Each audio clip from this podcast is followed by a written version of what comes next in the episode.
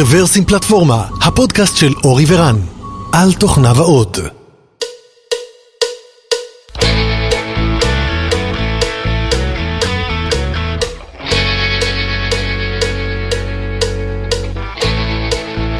שלום, ברוכים הבאים לפודקאסט מספר 435 של רוורסים פלטפורמה.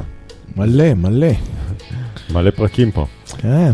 אז uh, היום התאריך הוא 1 במרץ 2022, uh, ואנחנו שוב באולפנינו שבקרקור, ואני אגיד שלום לאורי, היי אורי, אהלן אהלן. ושלום לאיתן ינובסקי, היי איתן. אהלן, ערב טוב. פעם, ברוך- פעם ראשונה בים? אה, פעם שנייה, פעם שנייה. פעם שנייה בקרקור. Uh, זהו, אז כן, אז, כאמור, איתן אורח חוזר, אני שמח שיש אה, לקוחות מרוצים וחוזרים. אז אה, איתן, ברוך שובך, איתן היה פה, למי שזוכר או לא זוכר, אה, היה פה ב-2018, אני לא זכרתי מסתבר. זכרתי שהיית, רק לא זכרתי את השנה כמובן, אה, ב-2018, ודיברנו על כמה אתגרים טכנולוגיים מעניינים שיש בחברה שלך אופטיבאס, והיום אנחנו נדבר על עוד אתגרים. אבל לפני שניכנס אליהם, בוא ספר לנו קצת על עצמך וקצת על אופטיבאס. אוקיי, אז אני איתן, ה-CTO וה-co-founder של אופטיבאס. אה, כבר עוד אה, רגע נושק לגיל ה-40, אז גם זה כבר קצת אה, עבר זמן. לא הייתי נותן לך. דקה יותר מ-16. השיער הלבן פה בצדדים לא טוען אחרת, אבל נזרום. אנחנו בעצם בונים פלטפורמה לתכנון וניהול של תחבורה ציבורית או של הסעות ההמונים, שבעצם ממש אחראית על לתכנן איך אנחנו הולכים להסיע מיליונים של אנשים uh, ברחבי העולם. Uh, היום בפועל אנחנו פרוסים כבר ב-30 מדינות ומעלה, ו... בערך מת- מתעסקים בהסעות של 2.5 מיליארד אנשים ברמה שנתית. פתאום כשאתה מדבר על זה, כאילו, בא לי לשאול אותך על הקורונה, אבל זה נראה לי... אה, היא עשתה לכם משהו, ה- ה- הימים האלה שהתחבורה הציבורית הפסיקה? אז אה, זה באמת אה, שאלה מעניינת, אנחנו באמת, כשהתחילה הקורונה כמו כולם, כזה קצת אה, חששות, ובפרט כמו שאתה אומר בתחבורה הציבורית, אבל היא לא ד- הפסיקה, היא רק השתנתה, וזה זהו. אתגר מאוד גדול למי שמתכנן. בדיוק, ב- במקום להפסיק, כלומר, היה, אתה יודע, שבועות שממש הפסיק רגע, נגיד, סגר מוחלט בישראל, אבל מאוד מהר זה הפך להיות לגלים של עכשיו אנחנו צריכים 50 אחוז, 20 אחוז, 80 אחוז ברמה ממש אה, שבועית שזה משתנה, וזה דווקא עשה אפקט הפוך. שפתאום הרגישו את הצורך במערכת כמו שלנו, במקומות שיחסית השינויים הם מאוד איטיים, פעם בחצי שנה, שנה, כן.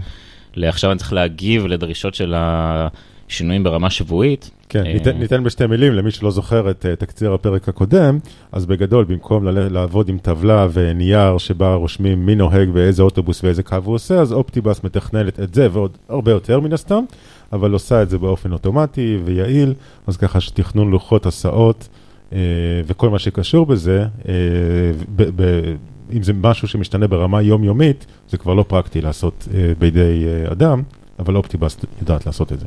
נכון, מא- מאז גם התרחבנו הרבה יותר ממה שאנחנו עושים, זה כבר מרמת תכנון הרשת, איך זה מגיב לביקושים, איך הלוחות זמנים, רכבים, נהגים, רמה של תפעול יומיומי ולהגיב למה שקורה ביום-יום ו- וכדומה. אה, ודווקא אז בקורונה פתאום נוצר צורך הרבה יותר גדול במערכת, ודווקא ש- אחת השנים הטובות, אה, שלאחריה יגיע גם הראונד C שעשינו, שאנחנו היום פוסט ראונד C. אה, והיום אנחנו כבר באזור ה-330 איש. אה, נראה לי פעם אחרונה שדיברנו, לא יודע, אולי היינו 50, 60, אני לא זוכר את המספרים. אה, ובאמת, כמו שאמרתי, מסיעים בסופו של דבר מיליונים רבים בעולם, כלומר, הלקוחות שלנו משתמשים במערכת כדי לתכנן איך להסיע את האנשים הזה בצורה המיטבית. אז אה, לקוחות זה חברות אוטובוסים כדוגמת אגד, לא יודע אם לקוח ספציפית שלכם, אבל כדוגמתם ב- ב- בעולם. נכון. אגד הם, הם לקוח ספציפי שלנו, אפילו אחד הראשונים, אבל אה, כן, חברות אה, כאלה בעולם. בנוסף, לא רק, גם חברות, אה, בעצם לפעמים, אתה יודע, בין, בניו יורק, נגיד יש לך MTA וחברות שהן אה, גם חצי הממשלתיות בעצם שאחראיות על התחבורה, אבל גם חברות כמו פייסבוק ואפל לקוחות שלנו לש... לקומיוט של השאטל אמפלואיז שלהם שם, שזה צי של מאות אוטובוסים שיש להם שם. אה, אז בעצם הכל התעסקות בהסעה של מסות גדולות של, של אנשים, שצריך באמת לתכנן את זה מראש ולא להגיב on the fly, כי אתה צריך באמת לבנות רשת יעילה, אחרת כן. התפעול יהיה מאוד לא יעיל. אבל את התפעול, לא את הביצוע. זאת אומרת, הנהגים הם לא נהגים שלכם, האוטובוסים נכון. לא שלכם, טוב, רק. אנחנו רק SaaS software, everything on the cloud, אנחנו לא מספקים שירותי אה, מעבר לזה. כן. עכשיו, אחד האתגרים, אה, שככה עשינו הכנה לפודקאסט, אה, אחד האתגרים שצצים, זה, אוקיי, מה קורה אם הוספתי פיצ'ר, עשיתי, תיקנתי באג, או אני חושב שתיקנתי באג, אני לא רוצה שאותם שני מיליארדים שנוסעים אה, מחר בבוקר, פתאום ימצאו את עצמם בלי אוטובוס. אז אה, איך עושים QA למערכת אה, שכזו? נכון, אז בעצם אנחנו mission critical SAS אה, system, והמשמעות באמת של רגרסיות, זה, האימפקט של זה בסוף הוא באמת משפיע על התפעול של התחבורה, ויכול להגיע למצב שאי אפשר להוציא למחרת את התחבורה, או אפילו ב-day to day. עכשיו אתה חייב לתת כאילו דוגמה לבאג ומה קרה. אז כשעברנו מהמערכת המטרית למערכת של מיילים, כל, האוטובוסים עצרו אה, שישה מייל לפני התחנה. כן, השוליים אה, צרות מדי להכיל את כל הבאגים שקרו לנו וה, והפדיחות, אבל אה, אתה יודע, יש את הרגעים האלה שמכניסים משהו וזה מקריס את production פתאום, וככל שבהתחלה, אם זה היה קורה לנו לפני חמש שנים, נגיד ה- ה-usage במערכת היומיומי היה לא כזה גבוה, אפילו אולי לוקח היה 20 דקות עד שמישהו שם לב, עכשיו זה תוך שלוש שניות. ה-support מתחיל להפציץ אותנו של אה, דברים לא עובדים, אז אה, אתה מבין את ה-impact של כל... אה, כי, כל מתק... כי. מתקשרים אליהם. כן, גם, מתקשר, לא, גם, גם יש monitoring, אבל גם, אם- כן, ה-support מיד מתקשרים אליהם. בסוף זה, היוזרים של המערכת שלנו, זה, הם יושבים, זה המערכת שלהם, זה מה שהם עושים איתם ב-day to day, מגיעים לעבודה, נכנסים, פותחים login ל-Optibus, ומתחילים לעבוד, ומשהו לא עובד. הם, שזה הם- כאילו, זה הסדרנים. זה מתחיל המשתמשים. מאנשים שמתכננים את הרשת קווים, עובר לאנשים שאחראים על תוכנית רכבים ונהגים, וזה בסוף גם מגיע, הסדרנים זה יותר ה-day to day, זה עכשיו אני צריך לתפעל מה קורה, ויש את האפיק של התכנון, של מה עושים מחר, בעוד שבוע, בעוד חודש, איך אני מגיב לפיפא, אירוע לתכנן. משתמשים בנו גם דרך אגב לתכנונים של אירועי ספורט כאלה, וכמו אליפויות אה, עולם וכדומה. כן. אה, אז כן, אז, אז המשתמשים הם מהסוג הזה. הסדרן הוא כמובן הכי קריטי מבחינתו, כי הוא ממש עכשיו מטפל ברכבים שנמצאים על הכביש, ו, וצריך להתמודד עם מה שקורה שם. כן. הולכים שכבה אחורה, זה נהיה... אז רק כדי שנקבל את הסדר גודל של מה קורה כשיש באג משמעותי. כאילו, תן, משמעותי אני מתכוון, תחשוב על זה ש-60% מהתחבורה אה, באנגליה מתוכננת באמצעות המערכת שלנו, ואם הכנסנו משהו שבאמת, אה, לצורך העניין, כל כך משמעותי שאיכשהו, אתה יודע, crippling האלה של כל המערכת, אז למחרת, או כרגע, תלוי באיזה איזה רכיב אתה במערכת אה, מקלקל, אה, יכול ממש אה, לדפוק את ה-60%, לא, לגרום לבעיות בתחבורה הזו של 60% מה... אנשים לא יגיעו ל-tea time שלהם. אה, כן, בדרך כלל, תראה, לא הגענו לסיטואציה כזאת, כן, אף פעם לא, בדרך כלל אם היו תקלות, זה- הדברים של עוד כמה ימים, או זה, לא ממש ב-real time, זה אה, קטסטרופלי, אבל אה, אבל כן, צריך אה, לדאוג שזה לא יקרה. ומן הסתם היו הרבה קרייסיסים, וכל פעם השתפרנו ובנינו דברים ו- ויכולות כדי למנוע שזה לא יקרה יותר דברים כאלה. כן, אז יש פה שילוב של מערכת שכמו שאמרת, SaaS, אוקיי, Software as a Service, זאת אומרת, זה לא שאתה שולח דיסקים לחברת אוטובוסים, זה הכל, אה, הכל נמצא שם בענן, ואתה יכול לעדכן את זה כל דקה, ואני מניח ש-Continuous Deployment זה כבר חדשות אה, די אשתקד, אה, מצד אחד. מצד שני, אה, כמו שאמרת, זה mission critical. זאת אומרת, יש אנשים שתלויים אה, באופן קריטי בזה שהמערכת תפעל, ותפעל נכון. לא נכון. רק- לא רק תפעל. נכון. עכשיו, עוד דבר שמאפיין זה שאין הרבה משתמשים שונים במערכת. זה לא נגיד פייסבוק שיש לך עשרות מיליוני משתמשים, ואתה יכול אולי לאחוז מסוים רגע לעשות נזק, מעבר לזה שפייסבוק הוא לא mission critical, אולי אפשר להתווכח על זה עם, עם כל מיני אנשים, אבל במציאות זה אינו mission critical. תלוי במשטר. תלוי כנראה. במשטר, אבל אה, יש לך יחסית יותר קל אה, להגיד, אוקיי, בואו נפרוס משהו לאחוז אחד מהאוכלוסייה. אצלנו בסוף, אנשים שהמשתמשים זה לא הנוסעים, כן? זה אנשים שמתכננים את התחבורה, אז, אז זה מאות משתמשים אה, גג בו זמנית. אחוז אחד זה כבר לא, לא מספר סיגניפיקנטי לעשות שום דבר, ומעבר לזה, אפילו אם תדפוק לאחוז אחד הזה משהו שהוא קריטי, זה עלול לייצר עדיין בעיה במקום כמו האחוז הזה זה האיש עכשיו אחראי על תחבורה בלונדון, או, או משהו כזה, ו- ואתה מייצר שם נזק. כן. אמ, אני חושב, דרך אגב, אם אני לא טועה, בווייז הם אמרו שישראל זה קר הניסוי שלהם, סוג של, כן, לא לא הוציא את הדברים מהקשרם, אבל שפיצ'רים חדשים קודם כל יוצאים במדינה מסוימת, שיודעים ששם יש, אה, יש יותר רצון לקבל אה, חדשנות, ואחר כך מעבירים את זה לשאר העולם. זה משהו שאתם עושים גם? אז אנחנו באמת עכשיו, ממש לאחרונה התחלנו, אה, הוספנו אה, מערכת של gradual rollout, אה, בנינו אותה in-house, כי ה-gradual rollout של היום יותר בנוי ל-use case הזה של, כמו שאמרתי, של פייסבוק, שיש לך סגמנטציה ומלא משתמשים, פחות למקרה שאני רוצה ללקוח enterprise מסוים שהוא יהיה ב-stage X ב-deployment, כי אני יודע שהוא פחות tolerant לבעיות, ואנחנו באמת... אה, פורסים בשלבים, אה, כאשר אתה מתחיל יותר עם ה- early adopters, שאתה גם מסכם איתם שהם ייחשפו ראשונים ו- והם רוצים לקבל את הדברים כמה שיותר מהר, ומגדילים את החשיפה, שאנחנו חושפים נגיד את ה-enterprise טיפה יותר מאוחר, וגם אצלם מחליטים מי יהיה ה- early adopter בתוך ה-enterprise, כי אנחנו יודעים גם בתוכו לעשות את ה-gradual rollout. אה, וככה לחשוף את הדברים, זה ממש משהו שהכנסנו יחסית כן. בחצי שנה האחרונה, ו- וממשיכים לשפר ולנטר את זה אה, גם כן. בסדר, אבל בוא רגע נדבר, אז אוקיי, זה פתרונות יחסית מוצריים, או ביזנסיים נקרא לזה, אבל אה, בוא נדבר רגע על פתרונות טכנולוגיים. אה, הקמתם בעצם מערכת פנימית, שקראתם לה replay? playback. playback, sorry. אז בוא, ספר לנו עליה. כן, אז ה- אני אספר רגע על המוטיבציה, ובעצם ה... אנחנו בעצם מאמינים מאוד ב-TDD, אז יש לנו הרבה coverage בטסטים, אמ, אבל בסופו של דבר אתה עדיין מוצא את עצמך עם רגרסיות ב-production וקרייסיסים, ו... והתחלנו לתחקר רגע למה זה קורה, מה עברנו בעצם ממש על, אה, אמרנו, אוקיי, בוא נסתכל על שלושה חודשים האחרונים, על כל הבאגים שהוגדרו כ-on-call, בעצם שהגיעו ב-production ויצרו כזה stop the world וצריך עכשיו לתקן אותם. אבל זה קרה כי הרגשתם שיש תקופה שבה זה קורה יותר? אה, כן, וגם כי כמות היוזרים שלנו גדלה פי שתיים כל שנה, אז כשיש לך חמישה, עשרה יוזרים, ה-on-call הוא פחות חווה את המשמעות של שלושה אנשים מתקשרים, כשפתאום 50 אנשים לא מצליחים לעבוד ו-100 אנשים בו זמנית, אז גם העוצמה של ה-on-call הופכת להיות, בעצם גם ההגדרה on-call לא הייתה קיימת בכלל בשנתיים, שלוש הראשונות שלנו, זה רק התחיל להיות כשבאמת הגענו להגיע למצב שאתה אומר, אוקיי, on-call אומר, רגע, עצרו, מישהו עכשיו צריך להסתכל על זה ולפתור את הבעיה הזאת, כי זה מונע ממישהו לעשות את העבודה שלו, או. יותר ממישהו אפילו, אבל אפילו מישהו אחד אצלנו זה מספיק. ועשינו תחקור, ראינו, אוקיי, היו קצת קרייסיסים, ראינו שזה קרה יותר מדי, אמרנו בואו ננסה להבין למה, אנחנו בעצם עובדים data driven בחשיבה. אמרתם ללקוח, אבל הכל טסטים ירוקים, מה אתה רוצה ממני? בדיוק. הכל בסדר. אצלי זה עובד. אצלי זה עובד על המחשב. ואז ממש עשינו קטגורציה לסיבות, למה זה קרה, לפעמים זה מיסינג טסט, לפעמים זה QA פספס, ולפעמים זה, לא יודע, סתם אה, צעירות נקרא לזה, אה, אבל ראינו שאחד מהסיבות החוזרות על עצמם זה... case. פספס זה הס- הסיבה הכי, כאילו זה העלה תאנה הכי גדול ש... זה מעט מאוד גם מה, מה, מה, שאתה, מה, שאתה, מה שאתה מחשיב אותו כ... מהסיבות, בקיצור. כן. אה, לא, אבל כאילו...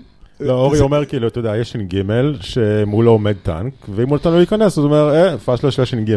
נכון, בוא, כאילו, לא, כשאמרנו QA פספס זה היה במעט מאוד מהמקרים, וזה היה באמת לא מסיטואציות כאלה של אה, כסת"ח, זה מסיטואציות שאומרת, שמע, זה היה טריוויאלי ש... שזה היית אמור לגלות, אבל זה לא, לא משנה, זה לא, ה- לא הנקודה. כן. מה שראינו שהרבה מהנקוד, מהדברים שמנו אותם תחת קטגוריה edge case. זאת אומרת, לחשוב לבנות טסט שבונה בדיוק את הסיטואציה הזאת של קומבינציה של כל המקרים ב-TDD זה לא ריאלי, כי לא עובדים ככה ב-TDD, אלא אתה כל פעם מוסיף קצת, קצת טסט וקצת קוד. וראינו שבעצם בסוף יש לנו כל כך הרבה משתמשים במערכת שמגיעים למצבים שונים, כי המערכת היא מאוד עשירה ביכולות שלה ובמה שאפשר לעשות איתה, וכל לקוח יש לו את החוקים והדברים הלוקאליים, וב- ובסוף הקומבינציה של מה שהוא עושה היא case. אה, ואמרנו, אוקיי, אז איך אפשר להתמודד עם cases?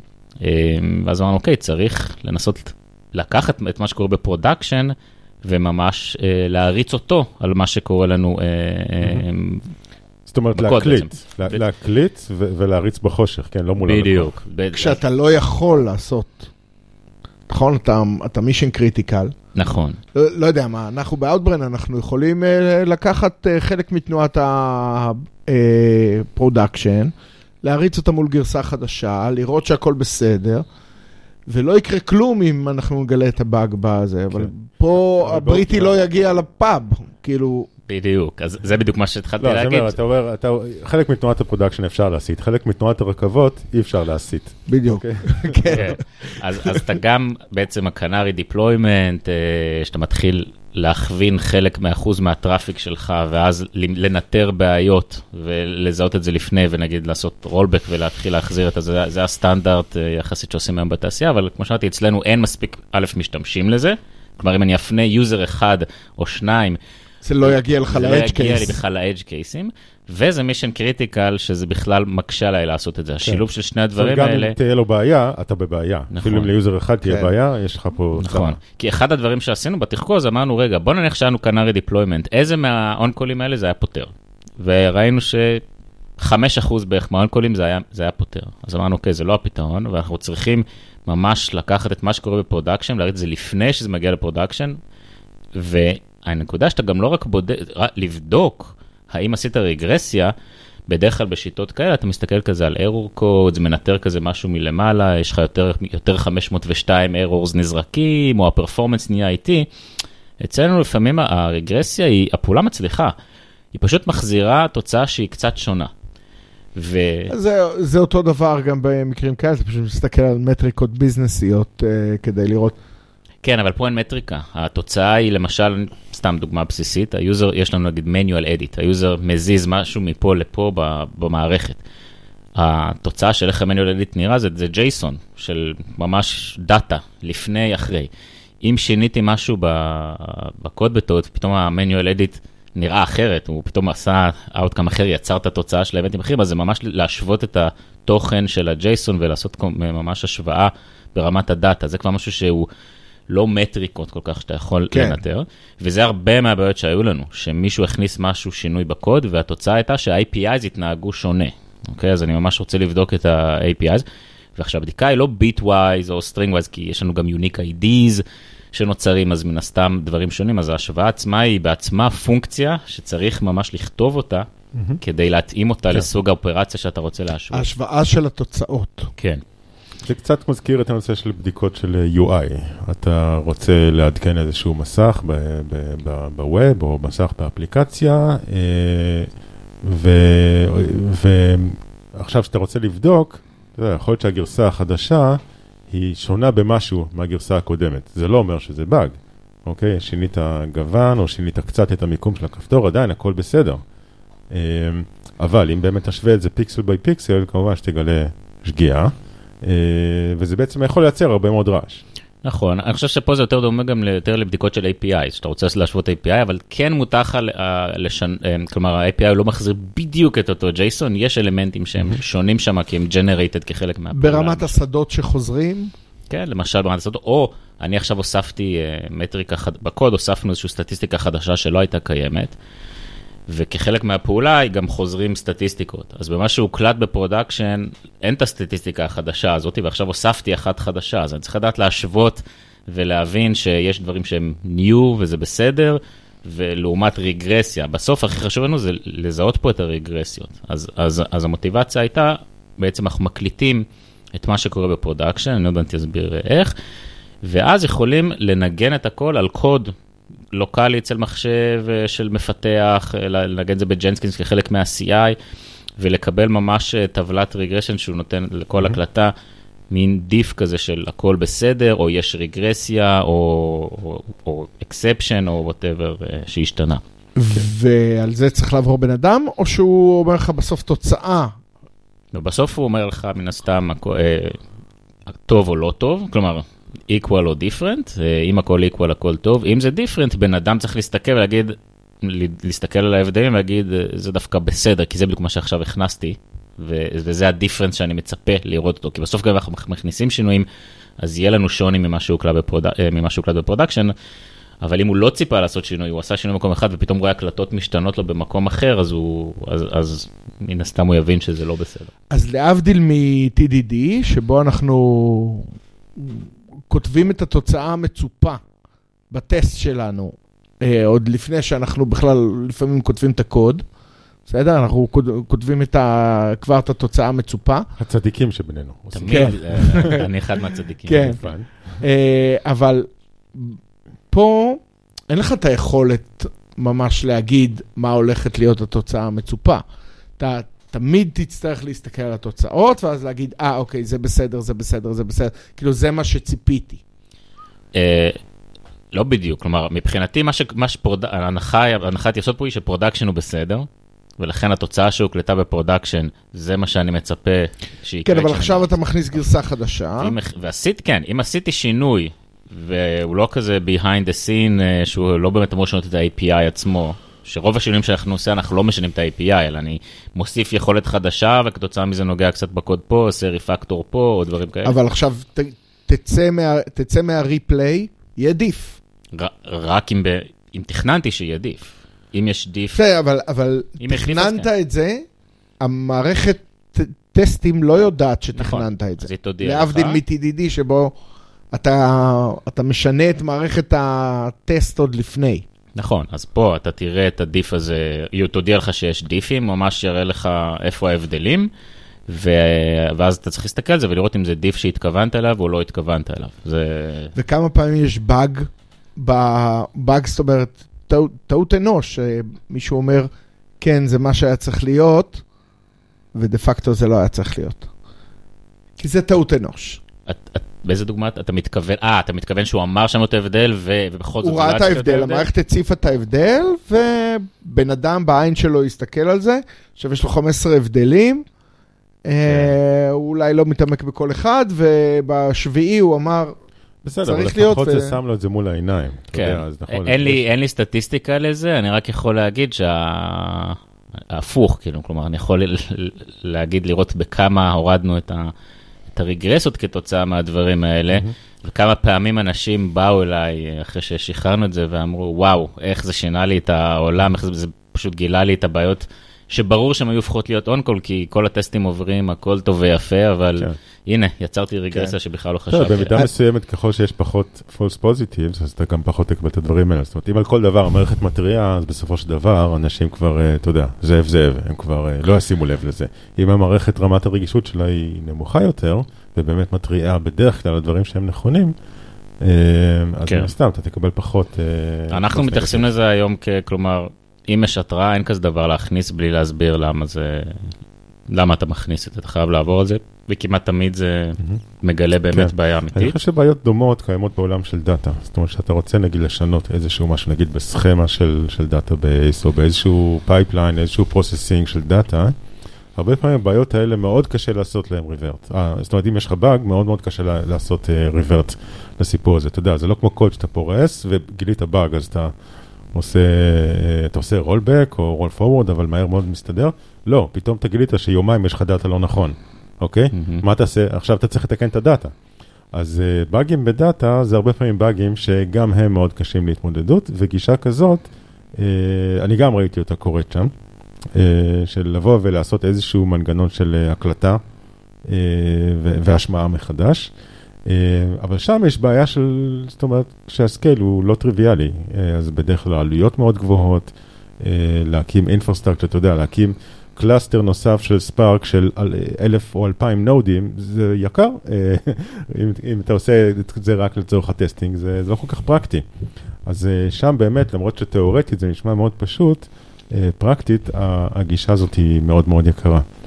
עכשיו, מה שבכל זאת ייחודי באיך שבנינו את זה, זה שיש הרבה יכולות להקליט דברים, יש פחות יכולות לנגן דברים, כי בסוף, כשאתה מנגן משהו, אתה תלוי ב state חיצוני של מה שקורה. ה endpoint הזה יכול לקרוא ל endpoints אחרים, יכול לקרוא ל database, יכול לקרוא בכלל ל-URLים באינטרנט, וכשאתה מנגן את זה לוקאלית, אתה רוצה לוודא שאתה חי באותם תנאי מגרש, אין לי את ה-database באותו state וכל הדברים האלה. ואז קצת חיפשתי באינטרנט, לא, לא מצאתי באמת פתרונות קיימים לזה, רוב הפתרונות זה בוא נקליט traffic ונדע לשלוח לך את זה לסביבה אחרת, אבל אז ברגע שזה state, ה-state הולך לאיבוד של מה שקורה מסביבך. אה, אז בעניין הזה רציתי לשאול, כל כמה זמן אתם מקליטים? אנחנו מקליטים כל פעולה. יש פעולות שאנחנו עושים להם sampling, אם הם, אם הם קורים בתדירות מאוד מאוד גבוהה, אבל אם הם זרקו שגיאה, אז אנחנו אוטומטית מדליקים אחד והופכים אותו להיות חלק מה-sample.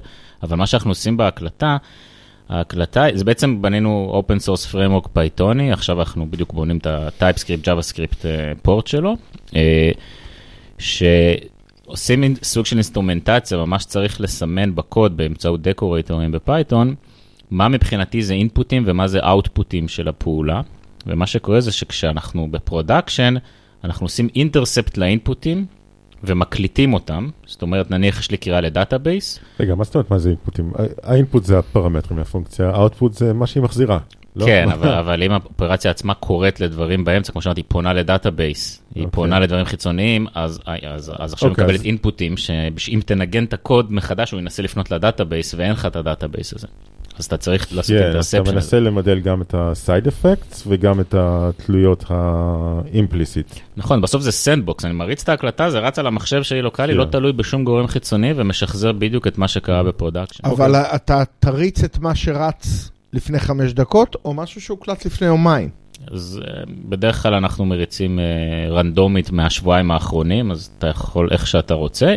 אמ, למשל, מה שאחד השימושים הנוספים זה שכל פעם כשיש לנו error ב-production, מגיע ל-Sentry, אנחנו כבר מוסיפים ל-Sentry את ה-recording ID. זה, זה הסייד אפקט שלא תכננו אותו בכלל, אבל עכשיו מה שקרה זה שקורית שגיאה, זה לא לך תביא לי שחזור, לך תעשה לי זה, זה copy paste של ה-ID הזה, מריץ את זה לוקאלי, זה אחד הדברים ששיפרו את הפרודקטיביות של המפתחים בטירוף, וזה עדיין אחד הדברים שכל פעם, כל כמה ימים מישהו בא אליי ואומר, וואו, פעם הייתי צריך לבקש שחזור, לחפש את זה, זה, אני פשוט עושה recording play, זהו, פותר שלוש באגים ביום במקום אחד בחמישה ימים עד שאני מצליח לשחזר אותו. מתי יש לו זמן לכתוב באגים? אה, זה תמיד יש, זה, אתה מפנה לו זמן לכתוב את הבאגים ככה. אבל אז, אז אתה בעצם עושים interception, אתה ממש מסמנים על הפונקציה, יש לי פונקציה שניגשת ל-database, אז אני אסמן אליה שהיא input, ומה שקורה שאנחנו נקליט את, את הפרמט, הפרמטרים שפנו בתור query, זה ה-key, וה-result זה, זה ה-value, ואז בתוך ההקלטה היא ממש מכילה dictionary של keys כאלה של, של פניות לכל מיני אינפוטים ואת ה-values שחזרו, ואז כשאתה מריץ את זה לוקאלי, אז הקוד שלך אמור לייצר את אותו query ל-database, ולכן להחזיר את אותו דבר, ואם הוא לא, פתאום, אז פתאום עף exception ב-recording, אם שינית משהו, למשל לא התכוונת, אז פתאום ב-recording לא ילך לשלוף את ה-data שהיה ב-production ויעשה no, no, key, no such key error או whatever, החיסרון זה שאם באמת שינית בכוונה ואתה באמת רוצה לעשות query חדש, אז ההקלטה כבר לא כל כך רלוונטית, בלי שתעשה מניפולציה בזמן כן, ההרצה. זהו, אז באמת רציתי לשאול על המודולריות של המערכת כזאת, כי זה נשמע כאילו, אוקיי, יש לך פה איזושהי קופסה שחורה ענקית, אתה מקליט את כולה, אם משתנה רק רכיב אחד קטן בתוך הקופסה הזאת, האם זה לא עושה מיד אינוולידיישן לכל מה שהקלטת ב... תראה, אבל בדרך כלל כשאתה עושה אינפוטים זה פנייה לעולם החיצון, כן? הפניות שלך לעולם החיצון מחוץ לסרוויס, אתה, כשאתה עושה שינוי עכשיו, אתה לא נוטה לשנות את העולם החיצון, כי העולם החיצון אתה לא נגעת בו עכשיו כחלק מהדברים האלה. אז רוב השינויים הם בסוף לוקאליים ל-service, ואני גם לא צריך להרים עכשיו סביבה שלמה של כל הסרוויסים כדי לנגן את ההקלטה. כל service אבל... הוא, הוא אוטונומית נבדק. הבנתי, זאת אומרת לכל service יש הקלטות משלו, נכון, אה, כן. אוקיי. ממש כל endpoint מוקלט, והוא encapsulated, ועכשיו אני יכול להריץ אותו, מריץ 500 הקלטות של ה-endpoint הזה, לא צריך שום data חיצוני, שום דבר, כמובן אני צריך לשים את האינטרספטורים במקום הנכון ולא לפספס דברים, אה, למשל, היה, יש לנו נגיד התנהגות שתלויה ב-environment variables, ושכחנו לעשות interception לזה, אז הרצתי לוקאלי, וה-environment variable על המחשב שלי לא כמו ב-production, אז הקוד שם של ה-if לא, לא הבנתי למה אצלי זה מתנהג XY. לא, יש, יש יותר כיפי, תלוי בכמה מקום יש על הדיסק, תלוי באיזה עוד תהליכים יש, יש כל מיני דברים כאלה נכון. שקורים. אז לפעמים אתה רוצה לעשות input, מגדיר רק environment variable גם כ-input שאתה צריך לעשות לו interception, למשל, בדוגמה הזאת. כן. יש לזה עלות משמעותית? להקלטות, לעלות בזמן פיתוח, אה, כל מיני אה, עלויות נוספות ש... שאולי לא לקחתם בחשבון? או שאולי כן לקחתם.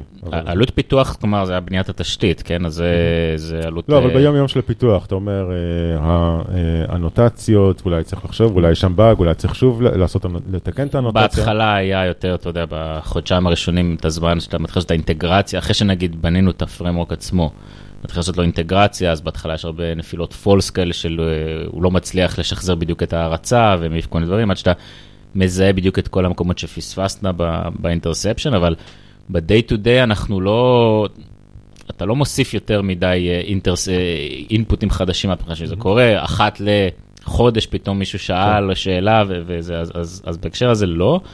אה, העלויות הן יחסית זניחות, אנחנו שומרים בעצם הכל ב-S3 עם כזה life cycle של שלוש, שלושה חודשים.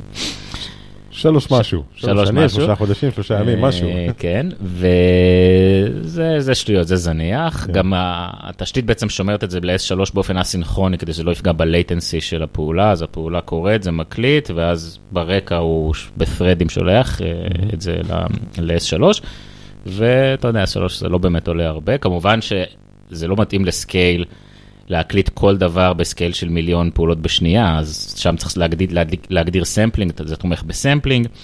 אה, יש לזה הרבה דברים מובנים אה, כדי אה, לתמוך בכל מיני סוגים של interception, interception של אינפוטים שונים, ובסוף זה הכל open source ב-Python.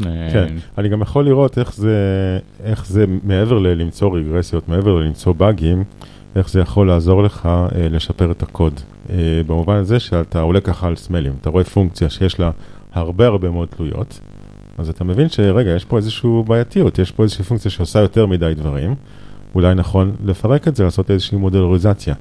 אה, אם אתה רואה שיש הרבה הרבה פונקציות שתלויות באותו דבר, אז יכול להיות שיש פה מקום לייצר איזשהו service, או זאת אומרת, אני אומר, זה מציף הרבה דברים שאולי לפני זה הם היו implicit, שמי שמכיר ממש ממש טוב את הקוד יודע את זה, אבל בן אדם חדש שנכנס פנימה, אתה יודע, עיניים חדשות שנכנסות פנימה, הוא לא היה מכיר את זה, אבל עכשיו שאתה רק מסתכל על הנוטציות, אז אתה יכול מיד לראות את זה. כן, זו נקודה מעניינת. אה, אחד הדברים גם שעוד side effect שעשינו תוך כדי זה שבעצם רצינו, נקטנו בגישה פרואקטיבית של תיקון בעיות, להסתכל על סנטרי בלי שפותחים לנו support cases, להתחיל לזהות את האישויים הרפטטיביים ולהתחיל אה, לפתור אותם. אז עכשיו יש לנו recording ID, אני יכול להריץ את זה, אני רואה, אה, אוקיי, הנה הבעיה, אני מתקן. אבל אז אני אומר, רגע, בעצם, אולי יש לי עוד דוגמאות של הבעיה הזאת, בוא נבדוק שתיקנתי את כולם. אז מה שאנחנו עושים, אנחנו גם מוסיפים להקלטה מטה דאטה, שאפשר לבקש, תביא לי את כל ההקלטות ש... עם שדומות. פילטר מסוים על מטה דאטה. אז למשל, אם זרקנו איזושהי שגיאה, אנחנו שמים את ה description של השגיאה כחלק מהמטה דאטה, ואז מה שאנחנו יכולים לעשות זה להגיד, תביא רגע את כל ההקלטות שעף השגיאה הזאת, תריץ לי אותם עכשיו אחרי שתיקנתי, ופתאום אתה רואה, הופ, יש פה עוד אה, 50% מה cases שלא גיליתי בתיקון הזה ספציפית. או לא. תפסתי בתיקון. כן. בדיוק, לא- ואז- לא תיקנתי. נכון. ואז אתה יכול לתקן אותם, אתה גם יכול להוציא מטריקות, להוציא כמה כישלונות יש לי על כל endpoint, כל מיני מידעים ו- ולפי איזה סוג אה, וכל מיני דברים, אבל המטה דאטה הוא גם משמש לפלטר לא רק לשגיאות, כמו אני אומר, אוקיי, אני עכשיו יודע שאתה יכול לפלטר על לקוח מסוים, אתה יכול לפלטר על ממש properties שהועברו ל endpoint הזה, אז אתה אומר, אוקיי, יש לי נגיד אסטרטגיה מסוימת שהופעלה ב endpoint הזה, אז אני שומר במטה דאטה איזה אסטרטגיה הופעלה, ואז אני יכול להגיד, אוקיי, תביא לי את כל ההקלטות של האסטרטגיה הזאת, כי עכשיו נגעתי בקוד של האסטרטגיה הזאת. אז זה לא רק ברמת ה endpoint, זה גם ברמת properties של הפעולה. כמובן צריך להיות lightweight, כי זה לא כל ה-payload של הפעולה, צריך להיות uh, שדות כאלה native uh, פשוטים ל- לפילטור. tracing אתם עושים גם? Uh, כן, אנחנו עושים tracing. זה מתחבר איכשהו שתי המערכות האלה? לא ממש, כלומר השימוש, הנקודה היחידה היא באמת ה recording ID הזה שמופיע לנו ב Sentry וכדומה, זה השימוש המרכזי שהייתי אומר כן. כי אני מניח שגם, אני מנחש שלפעמים יש באגים של תזמון. זאת אומרת, כשהכל מהר ואין עומס זה עובד טוב, אבל כשיש איזשהו עומס על איזשהו service ופתאום זמן התגובה שלו יותר איטי, אז פתאום אתה רואה את הבאג. אה, ולצורך זה, tracing יכול לעזור לך. יכול להאיר כן. אצלנו זה פחות ה-use case, אה, אני יכול להבין למה במערכות אחרות, אבל אין ספק שאפשר יהיה להוסיף ל tracing, להביא את כל ה recording IDs של כל הסרוויסים אה, לאורך השרשרת ש... שכרגע קרו, ואז להתחיל לנגן נקודה נקודה. עכשיו במערכת החדשה שאנחנו משחררים, שהיא כולה serverless-ית, והיא היא גם ב TypeScript כתובה, אז בגלל זה אנחנו עושים port למערכת הזאת ל TypeScript, כי ראינו כמה זה אפקטיבי, והמערכת היא עוד יותר mission critical, אז אנחנו from day one רוצים כבר לצאת מוכנים עם הכלים.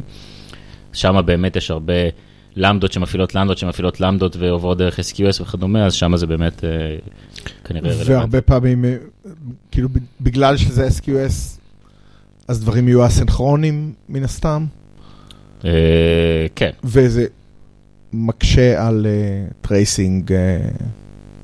נכון, אבל זה בסופו של דבר, כאן אותנו מעניין ממש הכניסה הסינכרונית לפונקציה והיציאה ממנה, אם היא קראה לדברים הסינכרונים ובסוף חזרה מהם עם, עם איזשהו input, אז זה יהיה חלק מה interception של, של אותו דבר, אז... אה, אבל אם אתה, אם אתה מקליט רק ברמה, נחזור רגע לכמה דקות קודם, אם אתה מקליט רק ברמה של service, uh, אז בעצם אתה מפסיד את האינטגרציה, זאת אומרת, בדרך כלל דברים מעניינים, שגיאות מעניינות קורות, כש service אחד קורא ל service אחר, והוא קורא ל service שלישי וכולי.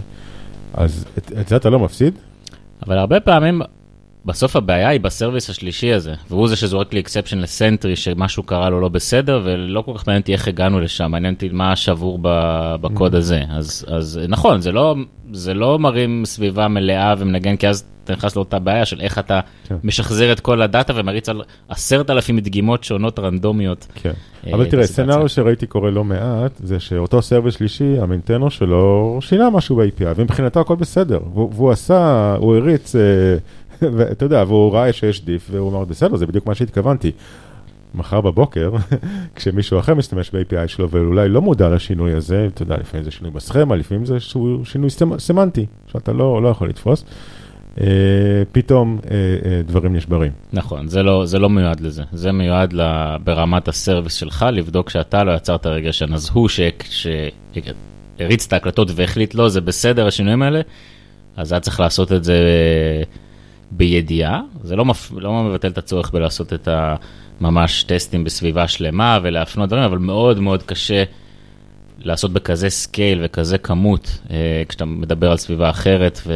ושיש לך הרבה, כמו שאמרתי, database חיצוני ו state שאתה תלוי בו, כן. אני בכלל לא חושב שזה אפשרי לעשות את זה מאשר ממש להגיד, אוקיי, בוא ניקח עשרת אלפים דגימות של לקוחות שונים, מפוזרים רנדומית על המרחב ונריץ את זה איכשהו בסביבה צידית, כשהיא ה database שלה בכלל לא כן. אז, מישהו, אז אתה אומר שאתם עכשיו עובדים על uh, קוד פתוח של אותו רכיב? הוא כבר עכשיו אה, אוקיי. ב open source. יש כבר משתמשים חוץ מכם? אה, איך הוא נקרא? Playback Studio. אוקיי. ממש כל ה classים שם זה יש לך tape recorder, tape cassette, equalizer ו playback הלכתי על... אקווילייזר מעניין, מה עושה אקווילייזר? אז יש סראונד? בעצם כשאתה מנגן את הדבר מחדש, אתה אוקיי. צריך כדי לבצע את ההשוואות, צריך, כמו שאמרתי, איזשהו פלאגין שאומר איך אני משווה דברים. Okay. אוקיי. אז האקולייזר אחראי על, יש איזה שלושה ארבעה פלאגינים שאתה צריך לממש כדי לבצע את הניגון ולבצע את ההשוואה. הוא עושה את התמרות פורייה הנדרשות כדי להוריד את הטונים. נכון. אה, מעניין, מעניין. אז, אה, אז כן, אז בסוף... בשונה מהרבה גישות היום שהן כאלה מאוד אומרות, אה, לא מתערבים לך בקוד, אני עושה הכל מבחוץ, אתה רק עושה פה איזה import או זה, זה לא המצב, המצב פה שאתה צריך לשים decorator־ים במקומות הנכונים, אתה צריך לכתוב פלאגינים אם ההשוואה היא לא סופר טריוויאלית, אז אתה צריך גם, הפלאגינים שלך יכולים להיות יותר ויותר מורכבים. אז יש לזה ידע אינטימי, מי שכותב את זה צריך שיהיה לו ידע, ידע אינטימי עם ה service, כן. הרבה פעמים אבל ה service־ים שלהם כזה base class, שאתה משתף, אה, יש לך זה... איזושהי תבנית חוזרת בהרבה מאוד ב end point שלך, אז אצלנו זה נגיד בסוף יש לנו שני סוגי end point, או שזה Celery based, או שזה HTTP based, היה מאוד קל לעשות את ה interception בצורה שהוא... כן. אבל זה לא black box, אוקיי? זאת אומרת, זה לא black box, אתה כן צריך להכיר את ה server שלך, מצד שני, זה לא unit test, אוקיי? נכון. זה לא בודק פונקציות יחידות, זה בודק נכון. איזושהי יחידה, אה, קראת לזה service, אה, למרות שתכלס זה יכול גם לבדוק יותר מ service אחד, טכני, נכון? אתה יכול להחליט בסוף לשים את ה decorator של איפה מתחילה האופרציה בכל מקום בקוד. אפשר להגיד שקריאה אחת, תאורטית אתה יכול לעשות את זה ברמת הפונקציה, אבל זה לא... זה לא המטרה, המטרה היא לנגן משהו שהוא כן. יותר גדול. כן. Uh, טוב, מעניין, מעניין. Uh, שיהיה לכם בהצלחה עם הפונקציות למדה, עם כל הסיפור הזה, כי שם זה נשמע לי עוד הרבה יותר מורכב. Uh, לבדוק פונקציה כשלעצמה זה יחסית קל, אבל כשיש לך איזה כמה מאות שעובדות אחת עם השנייה, דרך, uh, דרך SQSים ודברים אסינכרונים, זה, זה נהיה כבר הרבה יותר מורכב. אני מניח ששם זה, זה כבר לא יהיה רק על פונקציה בודדת. כן, לא, עוד פעם, התשתית הזאת כן תהיה ברמת הפונקציה הבודדת. יהיו, כמובן, יש לנו, כמו שאומרים, את הדרכים להרים סביבה שלמה ולהזרים אליה traffic וכדומה, אבל אה, תמיד ה-coverage של ה-edge cases הרבה יותר קטן יהיה אה, בסיפור הזה, ושם גם יש את הטריק של למדות, אה, בגלל שאנחנו לא רוצים להתערב עם ה-latency של הפעולה, ולמדה מתחילה ומתה, ואני בסוף צריך לאסוף את כל הדברים בדרך, אז יש פה טריקים של איך אתה... בכל זאת שולח את, ה, את ההקלטה, אנחנו עכשיו עובדים Lambda extensions בשביל זה. אה, יש, יש עבודה שצריך במימושים של ה abstract classes האלה כדי להתאים אותם לסביבה של למדות, לעומת Flask, לעומת Celery uh, uh, וכדומה.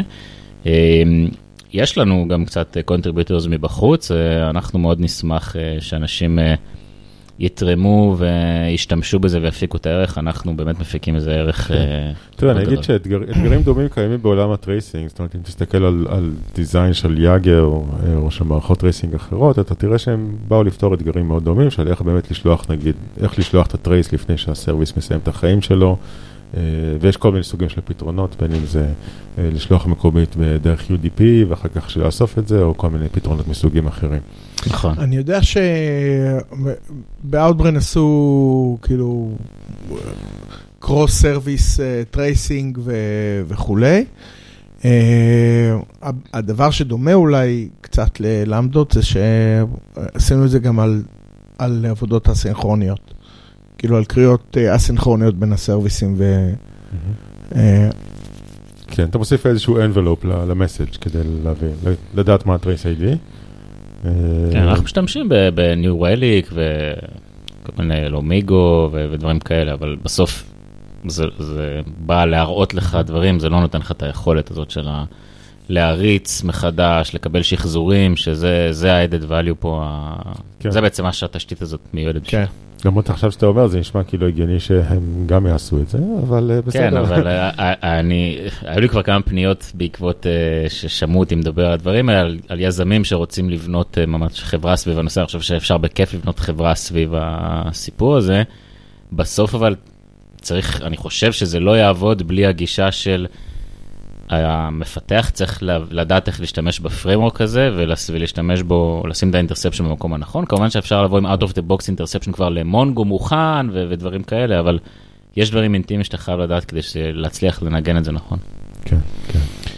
טוב, אם היה לי שקל על כל סטארט-אפ שבא ואומר, אה, כן, יש לנו איזה פתרון לבעיה ב... בעולם ה production או בעולם כזה או עולם אחר, כן, בסדר, פתרנו את זה לפני שלוש שנים או לפני... טוב, איתן, אה, אז אה, נשמע סופר סופר מעניין וגם מאתגר. נוסיף את הקישור ל- ל GitHub, אני מניח, אה, ב- בפודקאסט עצמו, ואני גם מנחש שאתם מחפשים מהנדסים פה ושם. כן, כמובן, אנחנו ב... צריכים לגייס לפחות עוד איזה 150 איש השנה, אה, שכוללים אה, הרבה מהנדסים. אז ספר לנו קצת על stack הטכנולוגי, הזכרת ככה קצת, אבל איך, איך בגדול, מה, מה עושים בחברה, באיזה טכנולוגיות עובדים?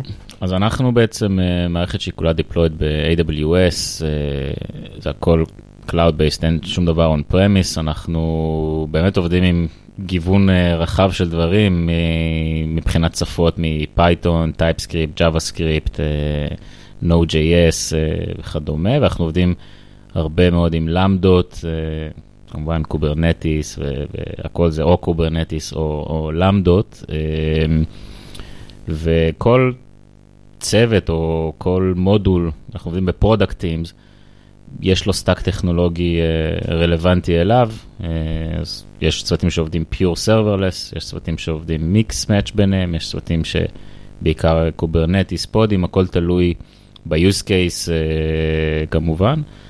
אה, ובאמת מחפשים אנשים שרוצים מצד אחד לעבוד משהו שבאמת עושה טוב לעולם, לא כקלישאה, אלא באמת אה, לשפר את התחבורה הציבורית, ה impact של זה על, גם על איכות הסביבה אה, מאוד גדול.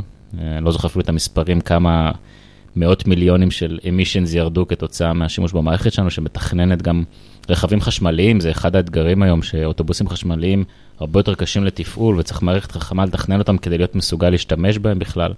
איך אתה טוען אותם, מתי אתה טוען אותם, אז בגלל הפסקות הטעינה ש- שנדרשות. כן, ומתי לטעון, וכמה capacity יש לך, ואיזה סוג מתן, מלא מאוד שעות שצריך לעשות, שבדיזל אתה פשוט מתדלק, ובסוף היום רואה את האוטובוס שוב פעם בתחנת דלק, אז, אז יש הרבה אתגרים, אה, גם אלגוריתמיים וגם לבנות מערכת, כמו שאמרנו, אה, אה, SaaS פלטפורם, ו... והאנשים אצלנו מאוד עם מוטיבציה גבוהה באמת להפעיל את היכולות שלהם ובאמת לעשות, להשפיע על, ה... על היום-יום של כל האנשים, להעביר ואיפה- אותם לתחבורה. איזה קו מגיע אליכם? איפה בישראל? הרבה. אנחנו, אנחנו יושבים ממש במרכז, ליד, אה, היום בבניין טוהה, אה, ממש שם בשלום. אה, ואני למשל מגיע עם, אני מכרתי את האוטו שלי, אני מגיע, יש לי אוטובוס מהבית בכפר סבא, אה, ממש עד למשרד. לא, לא מבטיח שלא נגעתי במערכת ודאגתי שזה מה שיקרה, אלא גיליתי את זה במקרה. אבל כן, אנחנו ממש בהאב של תחבורה ציבורית ומעודדים את כולם לבוא עם תחבורה ציבורית ומאוד לא נוטים